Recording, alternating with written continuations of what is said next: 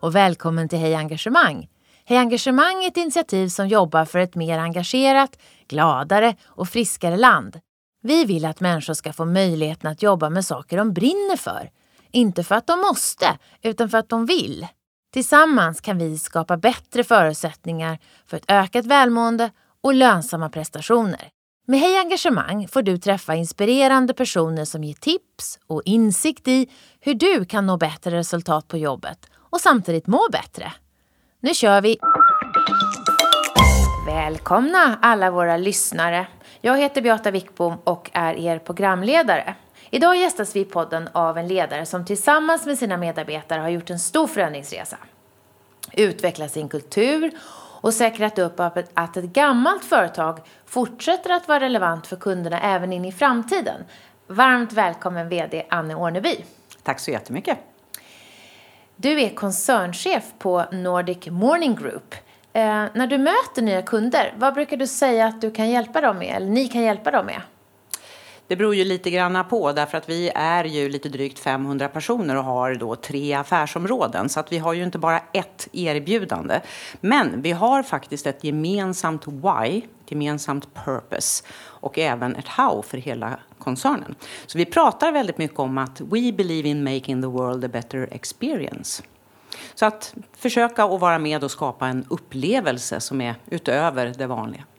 Men man kan säga att ni jobbar med kommunikationslösningar och ni hjälper företag att kommunicera sina varumärkeslöften både till kunder och Absolut. Om vi ska säga vad, vad, specifikt varje affärsområde gör så är det datadriven marknadsföring och service design. Och då heter affärsområdet Nordic Morning. Finns i Sverige och i Finland. Och sedan så har vi Edita Publishing som jobbar med smart learning. Det är då utbildnings och läromedel för barn men även vuxna och vi har även juridiska tjänster. Då. Och sen har vi Edita Prima som håller på med automatiserade processer för kundkommunikation. Och då är det ju väldigt ofta stora företag som behöver på något sätt se till och skapa en eh, samstämmig upplevelse för slutkunden samtidigt som de är lite effektiva då i sin kommunikation. Och av det du berättar så förstår vi att ni har allt kring, från tjänsteutvecklare till programmerare till formgivare och eh, Jajamän. kommunikationsstrateger. och när du möter personer som du vill rekrytera, mm. vad brukar du säga då att de ska få vara med på för resa med Nordic Morning Group? Alltså det är nog lite samma sak som jag säger även till kunderna. Därför att hela samhället håller ju på att förändras. Det här med digital transformation påverkar ju precis allting. Och det är ju viktigt också att förstå att det är ingenting som man kan välja om man ska vara med på eller inte alls. Och då är det så, då kan ju vi som företag erbjuda en spännande förändringsresa antingen om man är kund och, och, vill försöka och ställa om hur man jobbar till exempel med marknadsföring på ett annat sätt. För det är ju en ganska radikal skillnad om man jämför med bara bakåt i tiden där kommunikation var väldigt mycket egentligen att pusha ut sina budskap eller sända. Man pratar ju mycket om broadcasting. Och då är det ju så att då bygger man ju upp kampanjer som går ut i olika stötar och så försöker man liksom fånga in då någon form av intresse. Nu är det ju mycket mer kontinuerligt, alltså hela tiden. Bara som du och jag, när, innan vi börjar prata här så, så tar vi bilder och du tar en extra bild i mobil för du ska lägga ut det på sociala medier och jag gör samma sak. Och, så det, det pågår ju hela tiden. Och samma sak det här med smart learning, det är ju att se till att skapa livslångt lärande där då eh, egentligen den vuxna befolkningen måste hela tiden få möjlighet att utvecklas. För att vi har ju byggt upp ett system i världen där man går i skolan och sen så ska man ju lära sig resten så att säga i arbetslivet. Så att det finns ju inga skolor egentligen för, för oss som är vuxna. Så vad säger du till de där medarbetarna som de som jag vill ska börja ja, jobba. Vad säger du då? Jag vill att de ska komma till oss för att de ska vara med på den här fantastiska förändringsresan. Och också att de ska känna att den kommer ju aldrig riktigt vara över. För vi måste ju hela tiden försöka att hitta hur vi ska göra saker och ting bättre. Och sedan många gånger är det så att man kanske har någon form av kompetens när man börjar. Men tanken är ju att det ska fyllas på hela tiden. Och då är ju mindset egentligen mer viktigt än exakt vad man kanske har läst till. Eller vad som står på pappret. Eller som vi sa så här på 80-talet, hire for attitude, train for skill. Säger inte jag Ja, det låter lite svängigt sådär amerikanskt. Ja, jag har nog inte sagt precis så. Men, men jag har sagt att här finns utrymme för den som är intresserad av att vara med och forma faktiskt både företaget och egentligen hjälpa till och jobba med kunderna så vi hjälper dem med omställningen. Så ni ligger ju väldigt nära liksom hela den här digitaliseringen av samhället och av lärandet och Absolut, av affärsprocesser. ja. Så de får vara med om, om, om en framtidsresa. Vad, vad, vad får jag vara med om hos er som jag inte får uppleva hos en traditionell IT-konsult? Det är ju jättesvårt för mig att säga precis hur en, en IT-konsult jobbar eftersom jag inte jobbar hos någon och har aldrig gjort. Men det är ju så här att teknik och kommunikation och kreativitet håller ju på att smälter samman på ett helt nytt sätt. Och här ser vi ju att även om man då är en traditionell IT-konsult eller ett managementkonsultbolag eller som vi faktiskt, en kommunikationskoncern med alla de här olika spjutspetskompetenserna vi vet ju att vi måste försöka att få det här att smälta samman till ett annat angreppssätt än vad det var tidigare. Och då är det ju så att en IT-verksamhet försöker ju naturligtvis hitta kreativa själar som ska hjälpa till då så att de, de kommer från teknikhållet och försöker att lägga ihop det här med, med kreatörer. Vi kommer ju från andra hållet där vi ser att vi vi jobbar ju redan ganska mycket med teknik, men det är främst marketing technology, artificial intelligence eh, som har liksom med marknadsföring att göra. Men vi försöker ju sen lägga ihop så att man förstår de här lite längre processerna. För tidigare jobbar man ju som jag sa i kampanjer, det är korta stötar. Det här betyder att vi, vi jobbar ju många gånger kanske med cykler som är två till tre år hos en kund. Där fokus kan vara att vi behöver ställa om egentligen allt ifrån vad de har för teknologi för marknadsföring till hur de organiserar sin egen marknadsavdelning. Och det är ju samma sak med, med smart learning. Där är det ju många gånger så att vi kommer in och så är då motparten ett företag med en massa spännande medarbetare som behöver hjälp att lära sig och träna på nya saker. Och då vet vi att eh, edtech är ju väldigt mycket artificial intelligence. Så även om du och jag tar precis samma kurs så anpassar det, det är ju machine learning som anpassar sig efter hur vi fungerar så att vi får inte riktigt samma kurs då när vi går. Så man kan säga att eh, ni måste därmed uppfinna ett nytt arbetssätt där sam, samskapande mellan alla de här kompetenserna blir mer och mer viktigt. Och det, det är Absolut. verkligen ett, en, en, förmåga ni har att gifta ihop de här olika kompetenserna. Ja, och också någonstans försöka förstå lite granna vad har vi själva för personliga drivkrafter. För många gånger måste man ju se till att man sätter ihop den strategiska riktningen som då ska på något sätt fånga upp det som sker runt omkring. Vad kunder har för nya behov, var samhället är på väg någonstans. Och här kommer ju digitaliseringen in. Hur påverkar det? Sedan måste vi ju titta på, eftersom vi är ett bolag som har funnits ganska länge, vad är det vi har i vår kultur som är ett plus att ta med sig framåt? Vad är det som inte kanske funkar så bra framåt? Så vi, vi jobbar med de delarna också. Och sen naturligtvis den rena kunskapen, det som du, train for skills sa du. Och naturligtvis är det ju så att här behöver man ju pröva och testa helt andra saker än kanske just speciellt bara det man har varit specialiserad på. Vi ser ju ett giftermål nu till exempel mellan data och analys och content, alltså innehåll som då är skapat av kreatörer. Och det här är ju två helt olika personlighetstyper allt som oftast. Vad de- går du igång på, Anne, när du jobbar? Jag går igång på att få lära mig nytt. Eh, och jag går igång på att få jobba med människor. Jag tycker ju det är otroligt roligt med människor. Du, om du skulle beskriva vilken sorts ledare du är, hur, hur, om någon frågar så här, vad är du för sorts ledare, vad säger du då? Jag skulle nog säga att jag är en ledare som är, driver ett ganska visionärt ledarskap.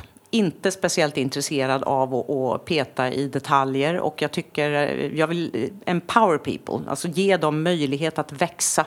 Försöker att skapa liksom stora utrymmen, försöker att målstyra och det här är ju naturligtvis jättesvårt när man driver de här stora förändrings eh, jobben. För att det är ju så att målet är ju inte alltid hela tiden glasklart.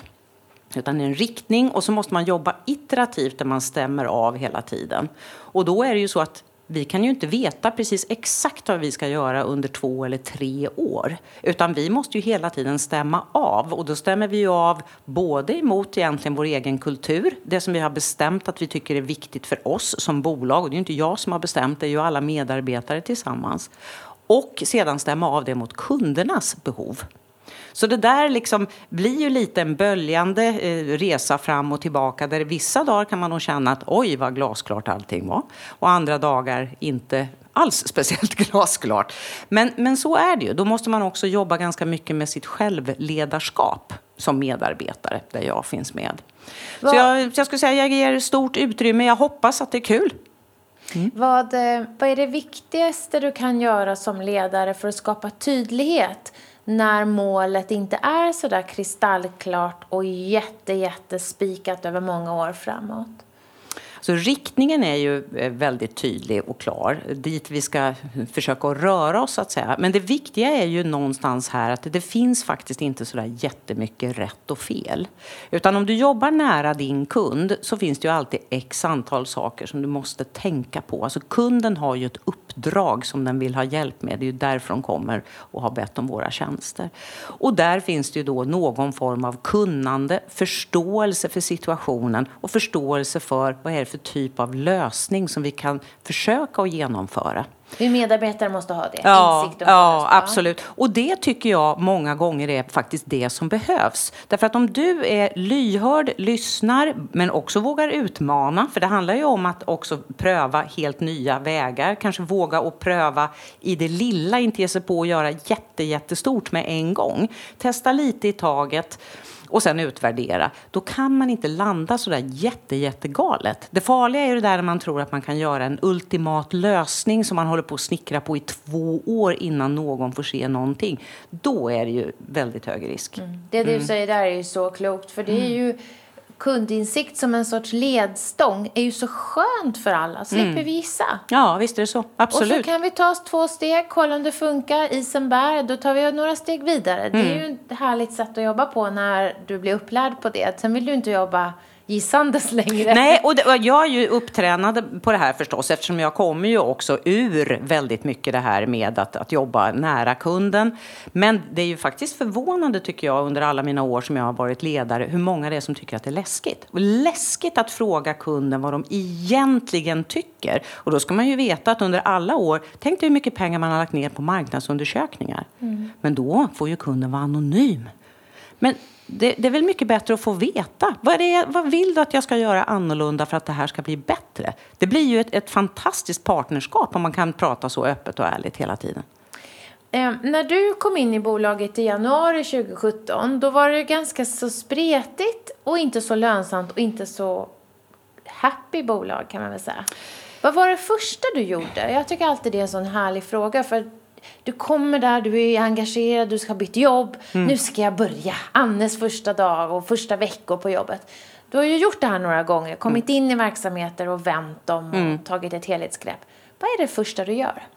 Här ska man ju säga att det här var faktiskt också en lite annorlunda situation för jag hade suttit i styrelsen eh, och jag satt i styrelsen sedan i början av 2015 så att jag kände ju till bolaget, hade lärt mig en hel del men ifrån en rådgivande roll för i styrelsen är man ju aldrig så, så långt inne som när man är operativt ansvarig. Så att i och med att det var klart att jag skulle bli den nya chefen, det var det faktiskt emot slutet av eh, augusti, men det blev inte officiellt förrän i slutet av oktober, så satte vi igång en del jobb under hösten 2016.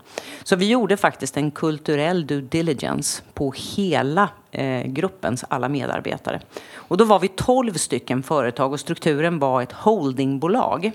Jag måste bara stoppa där. Mm. En due diligence är en genomlysning av ett bolag ur, oftast är det finansiell genomlysning, så att en köpare av ett bolag till exempel ska veta vad är det jag köper, finns det här? Mm. Men vad betyder en kulturell due diligence? Det betyder ju att du ska egentligen kunna lyfta fram det som är det positiva men också det som är det negativa i kulturen. Försöka att hitta en röd tråd någonstans. Vad är det det här bolaget har för kultur egentligen? Och det är ju det man ser egentligen är det som är det svåraste för alla företagsledare världen över just nu. Det är det som ökar i alla undersökningar där alla säger som är någon form av C-level. Kulturen är det absolut tuffaste. Och vad ställde ni för typ av frågor för att göra den där genomlysningen? Ja, det var faktiskt ett helt gäng och vi tog ju också extern hjälp så att eh, ingen ska uppfatta att det, att det är vi från ledning eller styrelse som är inne och försöker att styra det här utan man verkligen ska kunna berätta.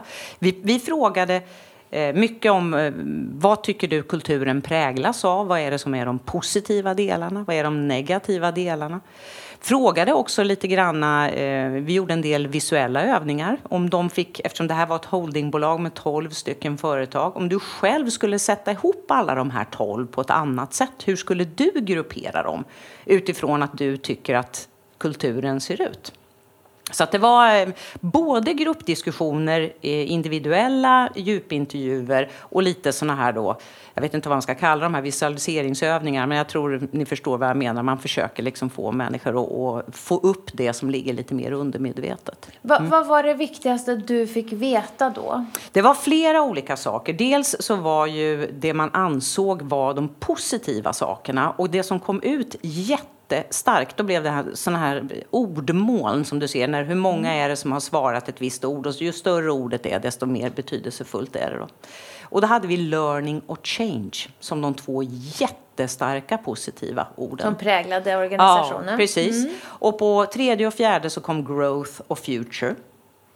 Sedan på de... Det var ju inga fegisar nej, eller inte alls. Och, nej, nej, och jag måste säga, jag blev jättepositivt överraskad. Det var nog inte alls vad jag hade trott skulle komma faktiskt.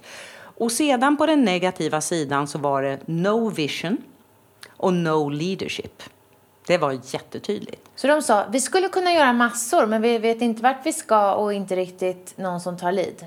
Nej, och samtidigt ska man ju säga att då hade man ju ända fram tills dess valt att driva verksamheten som ett holdingbolag. Och då är det ju inget konstigt att man säger att det inte finns någon vision eller något ledarskap på den övergripande nivån. För det ska ju finnas i varje litet företag. Men det är klart, här är det små företag som har drivits upp av en entreprenör.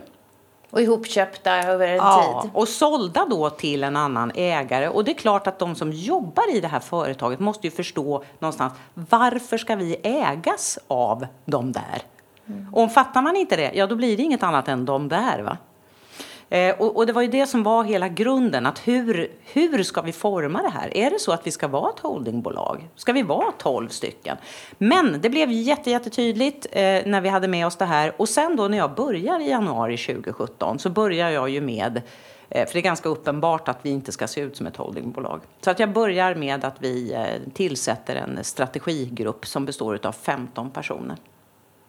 Och då är det ju egentligen alla vdarna och de som sitter på gruppfunktion. Och sen slutade vi att ha koncernledningsmöte. Så att den här strategigruppen blev då både ansvarig för strategiska jobbet framåt och även att följa upp en del operativa saker då, som månadsresultat och hela det Och vad hände då? Ja, alltså nummer ett var ju så här att eh, de här människorna hade ju inte jobbat tillsammans förut. Så det blev ju jättespännande. Så vi fick ju börja med att lära känna varandra ordentligt. Alltså göra presentationer, börja berätta mer vilka vi är, inte bara vad vi har för titlar och, och vad bolagen som man sitter i gör, utan verkligen börja visa. Och sen gjorde vi väldigt mycket olika typer av övningar för att kunna hitta fram till hur, hur vill vi att det här ska bli. För det är klart, all den här inputen som vi fick med oss, det var ju som ett stort smörgåsbord. Sen måste man ju ändå, vardandes en, en ledande gruppering, diskutera Ja, men vad är det vi är kapabla till då? Vad tror vi ska kunna fungera och inte? Och sen sa vi också det att vi kommer att köra en iterativ strategi. Eh, Process? Ja, precis. Tack snälla.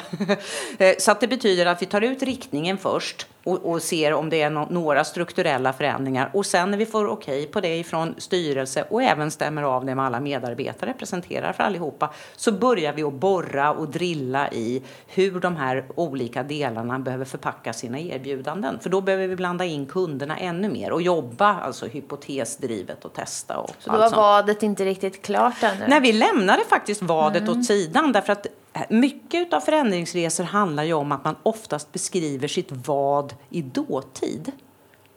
Så att när jag gör den här presentationen eh, ibland så, så, visar jag också vad var det vi sa att vi gjorde då när vi stod precis här i början. Och det är inte riktigt det som det blev sen. Därför att här är det perceptionen och, och liksom lite grann hur våra hjärnor fungerar som gör att det är så himla svårt och kunna beskriva någonting som man kanske redan har börjat transformeras till och som har en bäring i framtiden. Så ungefär kan jag säga att det vi sen till slut kom fram till, det tog ju kanske en eh, sex, sju månader med väldigt mycket liksom itererande med våra kunder. När vi hade satt det, då kunde vi se, ja, vi har ungefär kanske 40-50 procent av vår omsättning redan så som vi beskriver det på det nya sättet.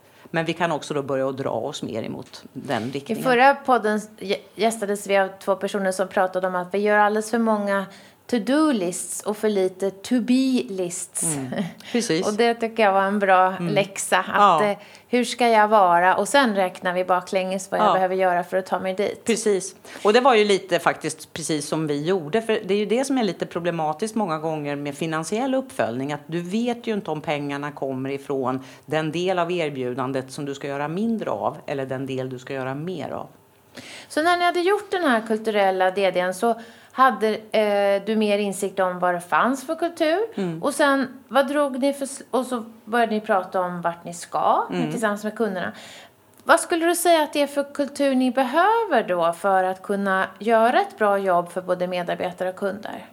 Ja, vi har ju efter att vi fullföljde så att säga hela strategiprocessen så, och, och satte allt det på plats, för då blev det ju faktiskt att vi fusionerade fyra stycken eh, byråer till ett affärsområde. Vi behöll en, ett bolag som ett affärsområde och sen blev det ytterligare. Så vi är tre affärsområden idag. Och sen var det fyra bolag som vi behövde sälja av. Mm. Och det tar ju en liten stund, så att när vi hade gjort färdigt det i slutet på 2017 så, på, så påbörjade vi egentligen resan med att titta på vad är det för kultur då som vi vill bygga tillsammans. Mm. Och då började vi faktiskt med att utgå ifrån varje individ. Därför att det är, ju, det är ju människorna egentligen som summerar upp till kulturen. Så att varje person behövde lista ut mycket, mycket mer. Vad är mina personliga drivkrafter? För annars så blir det så lätt att det blir de här tre orden som någon ledningsgrupp har kommit fram till och, och ja, tryckt upp en t-shirt och målat på en vägg. Va? Och det, det, det, blir ingen resonans hos medarbetarna som börjar med att fundera på vad är det som är mina personliga Och sen hur aggregerade ni det till en gemensam arbetskultur? Ja, sedan så var det ju en mängd olika övningar. För först måste man ju börja liksom att förstå. Och då är det så att vi, vi jobbar då med ett värderingsträd. Och det här är ett företag som heter Self Leaders som eh, vi jobbar tillsammans med. Och det bottnar egentligen i, i forskning forskning kring eh, psykologi och, och, hur människor fungerar i grupp mer eller mindre. Så att utifrån att alla hade fått göra sitt träd, sen kom det flera övningar som så småningom utmynnade i då att vi började summera upp egentligen vad alla de här personliga värderingarna blev. Och med det som utgångspunkt så tittade vi sen hur vi skulle balansera upp det så att vi fick liksom tillräckligt mycket extroverta egenskaper mot introverta och så vidare. Va? Eh, och sedan så, så bad vi alla medarbetarna titta på om vi skulle formulera det här till värdeord eller någonting, hur skulle det kunna bli? Det kom sist. Det kom sist, ja. Mm. Och då blev det så att det blev inte faktiskt värdeord utan det blev sex stycken guiding principles för oss. Som mer visar på beteende och vad vi vill bli. Kan du dela några sådana principer med oss? Ja, kan jag göra. Eh, den första är Be you, be curious som jag tycker är jättehärlig. Och, och den har den vi... låter som den kom från dig. ja, fast den, den, här är jättestark i hela eh, organisationen. Här tror jag att man kan se redan det här learning och change väldigt, väldigt tydligt. Sedan så har vi We Trust and Respect. För det är klart att det måste bygga också liksom på eh, förtroende och att man också, för att kunna be you och be curious så måste du ha den Väldigt tillåtande kultur ja, runt. Mm. Ja. Och, sen, trygg, ja, trygghet. Ja, mm. precis. Och sen kan jag ta en tredje också då, det Be an accountable daredevil. Handlar väldigt mycket om att våga testa olika saker. Eh, och våga ta ansvar för att man kanske testar också nya grejer. Mm. Vi har också en fail fast, laugh and learn som också är liksom lite på, på samma tema. Så att du hör ju lite grann liksom att det handlar väldigt mycket om att, att försöka att jobba och testa och ja, lära sig. Vara en lärande organisation mer eller mindre. Um, vad är det viktigt nu framåt då att fokusera på för att uthålligt lyckas? För det finns ju alltid ett intresse. Det har inte gått så jättelång tid. Det finns ett intresse i början alla får mycket uppmärksamhet, vi lägger tid på vår förändringsresa. om det här ska lyckas att, att, att ta er vidare de närmaste tio åren, vad, vad ser du som högsta ledaren är viktigt att hålla i för att det ska lyckas?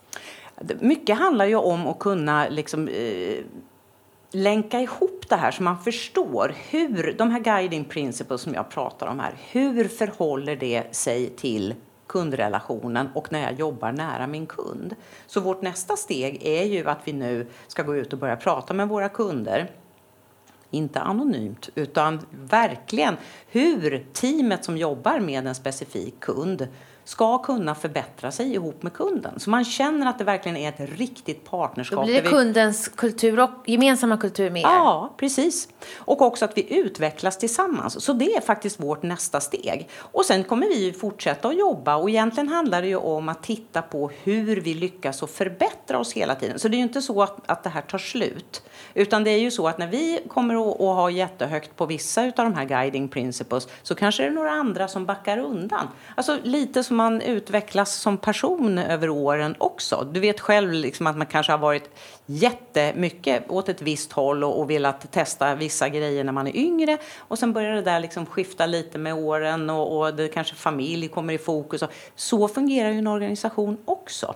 Så egentligen är det inte fråga om att man ska skåra superhögt på precis allting utan man ska kunna följa temperaturen i bolaget. Vad har du för verktyg eller hjälpmedel eh, som du, du använder för att just följa organisationen och individernas utveckling? Har du några digitala verktyg? Ja, alltså vi har ju vårt det här värderingsträdet till exempel. Det är ju digitalt och det är det ju så att det rekommenderar ju vi att man gör om. För det är ju så här att gör du om det ungefär var sjätte månad så kommer du se själv hur olika saker tonar upp och tonar ner för dig själv som individ. Vi checkar ju in i varje möte med att välja ett ett ord och också försöker att säga liksom något personligt för att öka närvaron emellan människorna i rummet. De som inte vet vad checka in betyder, kan du beskriva det? Ja, det är så här att då, då checkar man in och säger så idag känner jag att jag vill välja, eh, vi kan säga då mod, courage. Eh, och ehm, det vill jag välja därför jag tycker att det känns jätteviktigt utifrån. Och så, så berättar någon då, det kan vara att man vill vara väldigt privat. Det kan vara någonting eh, att man säger jag känner att jag är ute på lite svag is. Jag testar nya saker som jag inte provat förut. Jag hoppas att ni runt omkring eh, stöttar mig i det här. Eller också att man har en utmaning jobbmässigt. Och så går man liksom bordet runt. Det är, det är väldigt kort så. Och det är ju för att det här, hur fånigt det än kan låta, men det ökar närvaron något enormt i rummet om man liksom lämnar det som är utanför och verkligen är med dem som sitter där. Jag tycker inte det låter fånigt alls. Men... Nej, men jag tänker på om någon lyssnare tänker så här, checka in och sitta och prata om ett ord sådär. Men, men om man har gjort det några gånger så, kom, så kommer man upptäcka att det här ger en, en väldigt annorlunda stämning. Och skapar mera insikt om vem som finns i rummet ju också. Absolut. Om vi nu ska skapa en trygg Mm. och tillåtande kultur att jobba i. Ja, och också kanske att lite granna eh, försöka hitta det gemensamma fokuset. För ibland är det ju så att om någon checkar in med ett väldigt personligt eh, och, och, kanske har jobbigt i, i, sitt eget privatliv så kan ju de andra vara lite mer förlåtande under den perioden. Så att det skapar ju liksom en öppenhet och en transparens. Sen är det det vanliga, du frågar om hur vi följer upp. Ja. Då gör vi ju liksom eh, sådana här pulsmätningar och det gör vi ju varje kvartal. Och så kommer de här lite mer djuplodande eh, med lite längre intervall. Då. Och hur ser ni till att man liksom stänger den där feedbackloopen? Att ledarna verkligen eh, fångar upp alla medarbetarnas vittnesmål och önskemål? Ja, det gör vi ju hela tiden i de, de respektive affärsområdena så är det ju de ledningarna och sen så, så fortsätter man ju så att säga och har olika möten. Det beror ju också på vad det är för typ av feedback som man får. För vissa saker kan ju vara eh, ganska enkla åtgärder medan andra är väldigt avancerade som kräver att man nästan lägger upp som ett program för att åtgärda. Eh, det kan ju vara så att några säger så här, Nej, men vi känner att den här delen av erbjudandet flyger inte riktigt, vad ska vi göra? Och, och då får vi ju vara lite mer långsiktiga och försöka borra upp det där på ett helt annat sätt. Um, du pratar om självledarskap och mm. att det är eh, sättet som ni förflyttar er framåt. Um, vad är kärnan, varför, varför, vad är styrkan i det som förändringsverktyg skulle du säga?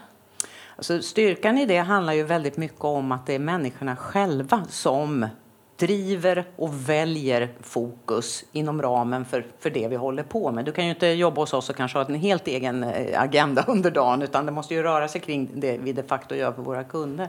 Men att det handlar om att du får nyttja dig själv och då kan du också nyttja det som du är duktig på och kan förmedla till andra och också jobba med teamet. Men det betyder ju också någonstans att man tar sitt eget ansvar istället för att det alltid ska vara en ledare som de facto kanske talar om nu ska du göra precis det här eller det här eller det här. Eh, så som det har varit väldigt mycket i produktionsinriktad verksamhet. Va? Mm. Bolaget är ett av Finlands äldsta mm. och samtidigt så är ni nu mer ett hypat AI-bolag. Mm.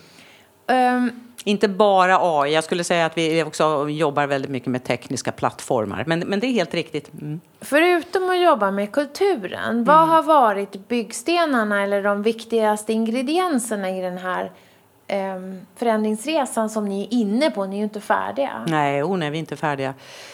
Mycket handlar ju om också att förstå var eh, världen är på väg och också den eh, teknologi som faktiskt påverkar hur man gör marknadsföring eller inom edtech. Eller för all del när man tittar på hur man automatiserar processer och för kommunikationstjänster. För där är det ju väldigt mycket som man pratar om vad man faktiskt kan automatisera eller inte ska automatisera som kanske då ska vara på ett annat sätt.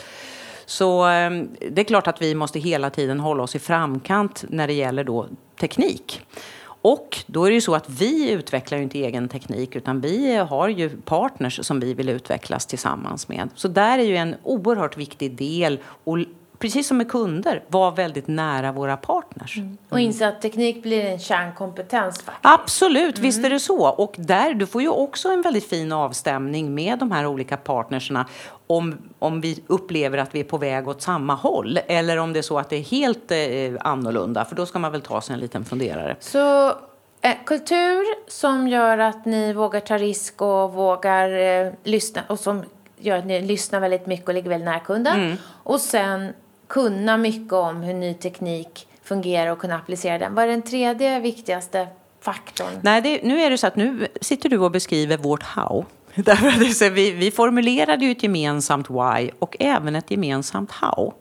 Så att när, när, vi började titta på vår historik som du pratar om här, att vi eh, grundades 1859 och då är det ju faktiskt den första industriella revolutionen som pågår för fullt. Och vi är kvar nu när vi kommer in i den fjärde. Då, då har vi sett vad är det vi verkar jobba med hela tiden för att klara av och, och, och faktiskt vara med och vara i framkant. Och det är precis people and technology. Och det är klart, people är ju inget annat egentligen än kulturen. Därför att vi människor kommer ju och går någonstans. Va? Men kulturen är ju det som formar hur bolaget fungerar som organism. Mm. Mm. Men jag skulle säga när jag lyssnar på dig att det är människor och kultur och sen är det att inse att man måste ha ett, ett arbetssätt Absolut. som får de där samman. Alltså mm. I många tjänsteföretag, om man får raljera, så tycker jag att vi liksom, vi tror att folk ska kunna jobba bara. Mm. Så skulle du aldrig säga om de jobbade i en produktionsmiljö, bara gå in och tillverka lite cement. Mm. Men lite så är det i många tjänsteföretag. Mm. Och jag hör det så att ni väldigt medvetet jobbar med det här att skapa friktion, att, att ha tvärfunktionella grupper mm. och vi har faktiskt, howet är ännu lite längre, så att det heter We, establish, uh, we challenge established ways of thinking and working ja. using people and technology. Så precis, men du beskrev det så vackert på svenska. Uh, och det är precis det här, det är ju friktionen som gör att man också lär sig någonting annorlunda och friktion betyder att någonting är i rörelse. Så att det, det är ju fantastiskt.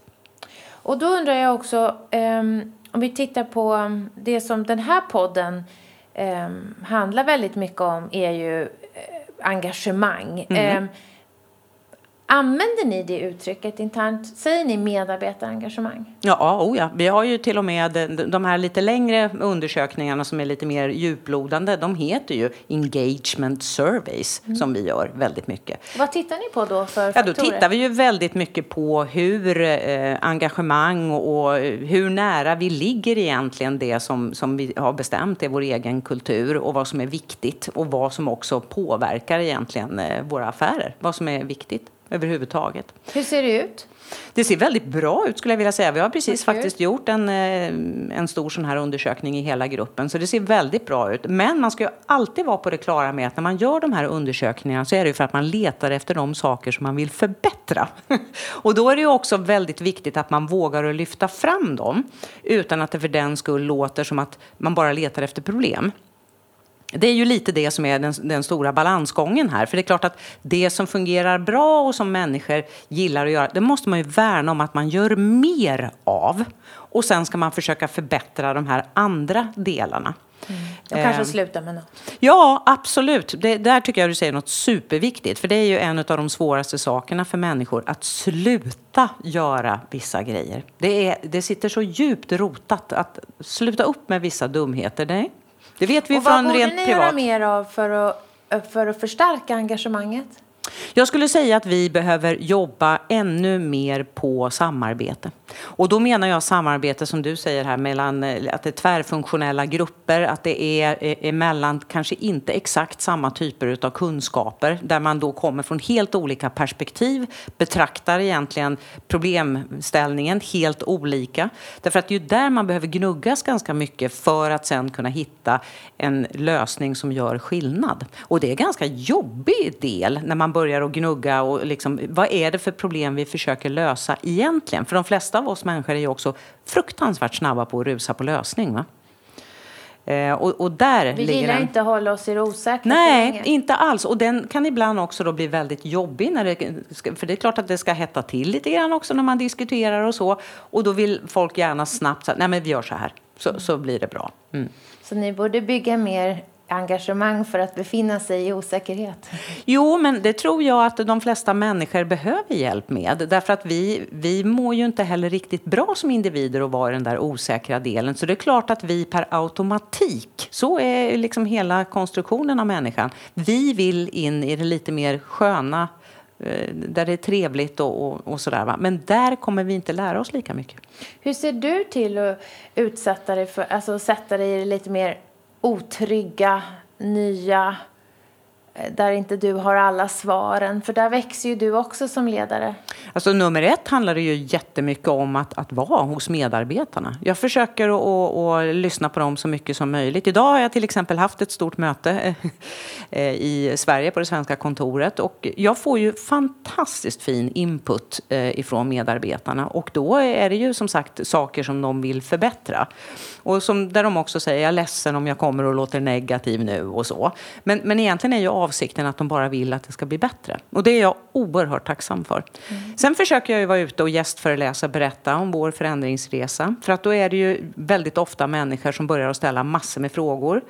Eh, fråga som du inte alltid har svar på. Nej, men så är det. Herregud. Det är ju det, det som, som är ja, uncomfortable. Så är det absolut. Och också att de ifrågasätter. Vi frågar varför gjorde du så där? Skulle du inte gjort så där istället? Och, eh, så man får igång en dialog. För det är ju så att det finns ju inte exakt ett recept som du kan använda hela tiden. Jag har ju jobbat med förändring hela mitt liv. Och det är ju inte så att varje förändringsresa där jag drar upp liksom, så här ska det gå till ur, ur handväskan och så rullar vi på. Utan det, det, är ju vissa parametrar som man behöver titta på. Det vill säga hur ser eh, omvärlden ut, konkurrenterna, eh, vad är det för typ av arena vi ska agera på? Alltså strategi, kapabiliteterna och kulturen. Sätta ihop de delarna.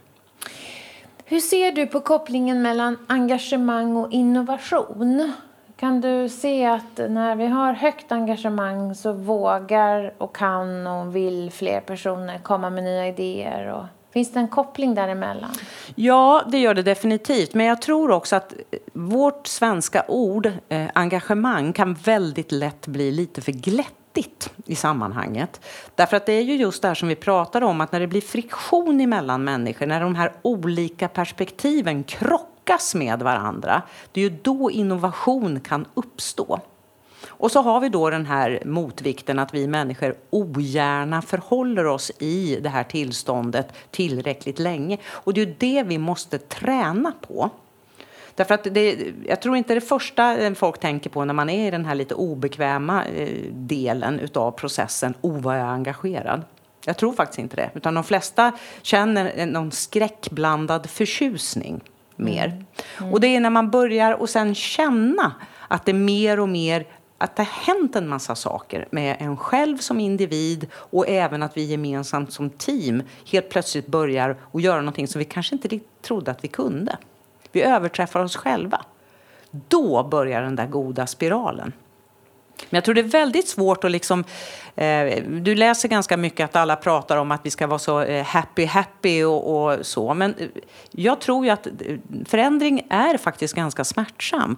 Och den eh, forskning som vi jobbar ganska nära då, den pratar ju om att pain plus reflection equals development. Ungefär som när man tränar hårt på gymmet. Va? Du får träningsverk. Mm. Det är lite samma sak här. Va? Det, det, det, kommer vara lite tufft, men belöningen är ju fantastisk. Va?